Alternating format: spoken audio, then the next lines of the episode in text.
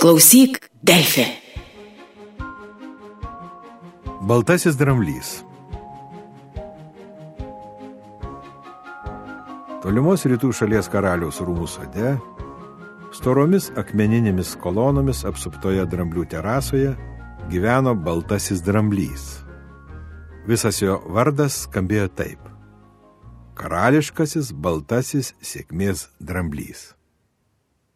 Visi žino, kad tikras karalius turi septynės brangenybės - gražią žmoną, spindinti raudoną rubiną, patikimą išdininką, protingus įstatymus, išmintingą ministerį, eiklų žirgą ir be abejo baltąjį dramblį. Iš šių septynių vertenybių Labiausiai karalius mylėjo savo gražią žmoną. Tik drambliui šito nesakė. Dėl visako. Karaliaus tarnai kiekvieną mielą rytelį baldai dramblį kuo švariausiai nušveisdavo ilgakočiai šepečiais. Išmuilindavo kempinėmis baltomis putomis, perlėdavo šaltų gaivinančių vandeniu ir sausai nušluostydavo devyniais raudonais rankšluoščiais tada gražiai aptaisydavo. Jo plačią nugarą užklodavo granatos spalvos audeklu, išsiuvinėto aukso siūlais ir išpuštų deimantais. Ant galvos uždėdavo įmantriais raštais išdailintą kepuraitę, o ant kojų ir ilčių užmaudavo brangius aukso žiedus. Ant kaktos pritaisydavo raudonių spindinti rubiną tą patį iš septynių didžiųjų karaliaus brangenybių. Dramblių terasoje stovėjo didžiulis veidrodis, kad baltasis dramblys galėtų retkarčiais į save pasižiūrėti ir išvysti jame atsispindinti visą savo grožį ir didybę. Turėjo dramblys ir mažą dailų atbulinio vaizdo veidrodėlį, pritvirtintą prie ilties netoli dešiniosios akies, kad galėtų matyti savo šeimininką karalių sėdinti jam ant nugaros. Sekti, kad jis nenukristų ir retkarčiais jam mirktelėti. O dar veidrodėlėje buvo galima stebėti savo uodegą. Ar mosuojama ji deramai ori viksnoji šalis. Du tarnai baltais paauksintais skiečiais be perstojo dangstė dramblį nuo kaitrios saulės. Kiti du tarnai, pošniomis vėduogalėmis, jį vedino ir vaikė šalin įkirias muses. Pats dramblys savo ruoštų, mosuodamas traublių ir uodegą, bei didelėmis kaip varnalėšų lapai ausimis, vaikė nuo savęs įkyrėjusius tarnus. Dramblį mylėjo visi. Net vėliavoje, kuri linksmai plaikstėsi virš karaliaus rūmų, buvo išsiuvinėtas baltojo dramblio atvaizdas. Mėgojo jis karaliaus rūmų sode. Kas nakt vis kitoje vietoje Tik niekas negalėjo pasakyti, kodėl. Žinoma, išskyrus jį patį. Baltajam drambliui nereikėjo sunkiai dirbti. Ar juo labiau kartu su savo giminaičiais paprastais drambliais eiti į karą. Jo darbas buvo iškilmingomis progomis nešioti karalių, pusryčiauti su juo, pristatyti jam paštą, o svarbiausia - nešti sėkmę. Kas rytą karalius ir baltasis dramblys susėsdavo pusryčių prie didelio ilgo raudonmedžio stalo. Įsitaisydavo abu priešingose stalo galuose, tvirtuose marmuro sostuose. Ypač tvirtas buvo dramblio sostas, juk svėrys beveik penkias tonas. Ta rytą stalas buvo kraute nukrautas sidabro padėklais, su kūpsančiais ant jų keliolika dryžuotų arbūzų, kalnų apelsinų, dvidešimčia kekių bananų, keliais geltonais melionais, supjaustytais pailgomis kiltimis, rietuve pasišiaušusiu ananasu, krūvomis mangų ir lyčių, bei visiems įprastų tamarindų, karambolų, rambutanų ir mangostaninių garcinijų. Didumą ant stalo sukrautų gerybių sudorojo dramblys. Tiksliau pasakius, jis sušlamštė viską. Net keletą duriaus vaisių, kurių šlikštus kvapas karalių tiesiog pykino, dramblys sušveitė nie nemirktelės. Karalius pasitenkino podeliu kvapnios arbatos. Dramblys tiesiog degė norų patarnauti savo mylimam valdovui. Tad jis ilgų straubliu, paėmęs mažą sidabrinį šaukštelį, rūpestingai išmaišė karaliaus podelėje cukrų. Tiesa, paskui ir pačią arbatą išsirvė. Tai darant, jo akis žvelgia taip draugiškai ir nuoširdžiai, kad karalius visai nesupyko. Kas tai yra sėkmė? paklausė staiga karalius. Sėkmė tai toks dalykas, kai viskas sekasi, atsakė dramblys. Štai kad ir šį rytą su mano pagalba tau puikiai pasisekė papusryčiauti. Sako, kad tu neši sėkmę, svarstė susimastęs karalius. Bet aš niekaip nesuprantu, kaip tai atsitinka. Man ir pačiam ne visai aišku. Gal aš pritraukiu sėkmę nelyginant koks magnetas? O kadangi esu atlapa širdis, tai jį nuo manęs tiesiog atsispindi. O ar galima sėkmę pasigauti pačiam? Galima, bet geriau turėti savo baltai dramblį. O ar būna kokių sėkmės gaudyklių? Nemanau. Sėkmė juk ne koks plastantis drugelis. Todėl vieni gaudo ją visą gyvenimą, bet taip ir nenutveria.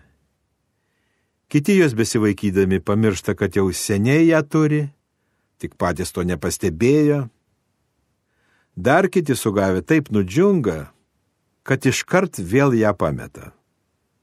Tačiau tą pamestąją niekas kitas pasinaudoti negali, nes kiekvienas turi pasigauti savo sėkmę. Ar gali jos būti per daug? Kartais nutinka, kad nuo jos pertekliaus apsisuka galva. O kas yra nesėkmė? Toliau domėjosi karalius. Nesėkmė tai atvirkščia sėkmė kiek teko girdėti. Nesėkmių negaudyti nereikia. Jos pačios užpuola, ypač niurzglius ir tuos, kurie nuolat dėjoja ir visko skundžiasi. Tokius jos tiesiog dievina. O ar tau netrodo, kad kokį kartą sėkmė gali ir nuo manęs nusisukti? Visko gali būti. Bet tam aš ir gyvenu tavo rūmuose, kad taip nenutiktų. O juk žinoma, kad baltieji drambliai gyvena labai labai ilgai. Čia jų pokalbį netikėtai nutraukė duslus būgno garsai, ataidintis nuo rūmų vartų. Tai gretimo šalies pasiuntinys atnešė savo valdovo laišką. Laiškus karaliui teikdavo baltasis dramblys, kaip jau buvo įprasta. Todėl jis neskubėdamas pakilo nuo stalo ir oriai patraukė prie vartų. Tarnai mikliai užkėlė jam ant nugaros dailų baldakimą su pošniu stogeliu ir ant auksaspalvio aksomo pagalvėlės padėjo laišką, susuktą į rytinėlį ir perištą raudono šilko kaspinėliu. Tada dramblys ori linguodamas prinešė laišką karaliui tiesiai prie stalo. Tiesa, tai padaryti jam padėjo du trimitininkai ir du būgnininkai, žengiantis priešais jį bei iš paskos lydintis pulkas karių su aštriais lenktais kardais ir indiškais karo kirviais. Dramblys sustojo, straubliu pasiekė iš aukštybių laišką ir įteikė karaliui, prieš tai mandagiai atsiprašęs, kad nemoka atrišti kaspinėlių. Karalius permeti popierio akimis ir nusistebėjo. Kaip malonu gauti tokį šiltą laišką. Niekada nebūčiau pamanęs, kad kaimynas toks mielas ir draugiškas žmogus. Aš visada nešu tik šiltus ir malonius laiškus, kukliai tarstelėjo dramblys. O juk ne visi tokius rašo. Įsivaizduok, kaiminės šalies karaliui prieš savaitę gimė sunus.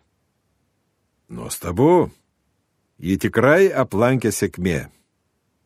Kita vertus keista, Kiek man žinoma, jis net neturi baltojo dramblio, nusistebėjo karaliaus laiškanešys. Numanau, Kaip dabar to džiaugiasi jo žmona? Neabejoju. Beje, mielasis karaliau, ar tau netrodo, kad mūsų karalystėje trūksta aštuntos brangenybės?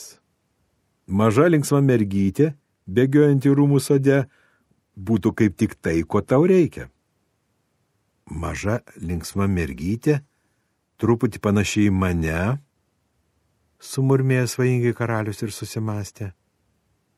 Taip lėpėjo jie apie šį beitą iki pat pusiaudinių. Tada karalius prisiminė, kad reikia pasirūpinti ir kitais šešiais svarbiausiais karalystės reikalais. Raudonojo rubino jis neėjo žiūrėti, nes ką tik buvo matęs jį ant baltojo dramblio kaktos, tad aplankė savo išdininką ir pasidomėjo, ar dar yra ką išdė skaičiuoti. Paskui dar kartą perskaitė savo valstybės įstatymus, kad įsitikintų, ar tikrai jie tokie protingi ir painus, kad jų nesuprastų niekas, net ir jis pats. Dar su išmintingoju ministeriu pasikalbėjo apie orą, mėgindamas įsiaiškinti, kodėl daug palijus būna taip šlapia, o kai nelyja taip sausa. Tada sėdo ant savo žirgo ir apjojo keletą ratų aplink rūmus kad įsitikintų, ar jis vis dar toks pat eiklus. Tau reikėtų šiek tiek pramankštinti savo dešinę užpakalinę koją. Ji truputį atsilieka nuo priekinės, kairiosios, pareiškė valdovas ir draugiškai paplekšnojo jam šoną. Galiausiai karalius aplankė savo gražią žmoną, papučiavo ir pasakė, kad labai labai ją myli. Paskui apsidairė, kad įsitikintų, ar jėdu vieni. Ir tyliai šnipštelėjo į ausį, kad ji jam gražesnė ir brangesnė net už baltą į dramblį. Ar tau netrodo, milasis karaliau, kad mums reikėtų mažos mielos dukrytės? Netikėtai paklausė karalienė. Ir jos kruostai švelniai nuraudo. Matyt, norausvos saulės, švystelėjusios pro atvirą menės langelį mat diena jau krypo vakarop. Žinoma, man tai būtų nepaprastas džiaugsmas, atsakė karalius ir nustebęs pagalvojo. Kur aš šiandien tai jau girdėjau? Ar baltasis dramblys šią naktį mėgos po mūsų mėgomo langais? Aš nežinau. Juk jis miega ten, kur nori, pakraipė galvą karalius. Tuo tarpu nuraudusi saulė nusileido už dramblių terasos kolonų kerinčia rožinė šviesa nutvieksdama visą karaliaus rūmų sodą. Tarnai nupušė baltai dramblį, vėl švariai jį išprausė ir įtrynė kvapniu migdolų aliejumi, kad sėkmė dar geriau prie jo liptų. Dramblys lietai nukėblino prie rūmų sienos ir atsigulė tiesiai po karaliaus miegamojo langu. Jis užvertė didelę galvą aukštyn ir pažvelgė į dangų. Artinosi šilta tamsi naktis. Dangoje ryškiai sužybo tūkstančiai didelių ir mažų žvaigždžių. Užvertęs galvą, dramblys ilgai spoksojo žvaigždėtą dangų, kol staiga išvydo kaip aukštybėse, iš pradžių lyg nedrasiai, paskui vis ryškiau sušvito mažas baltas žiburiukas. Tai nauja graži žvaigždutė užgimė tarp kitų dangaus šviesulių. Dramblys padėjo galvą ant žemės, užsimerkė ir patenkintas užmygo. O karaliaus rūmus ir sodą apgubė tyla ir ramybė.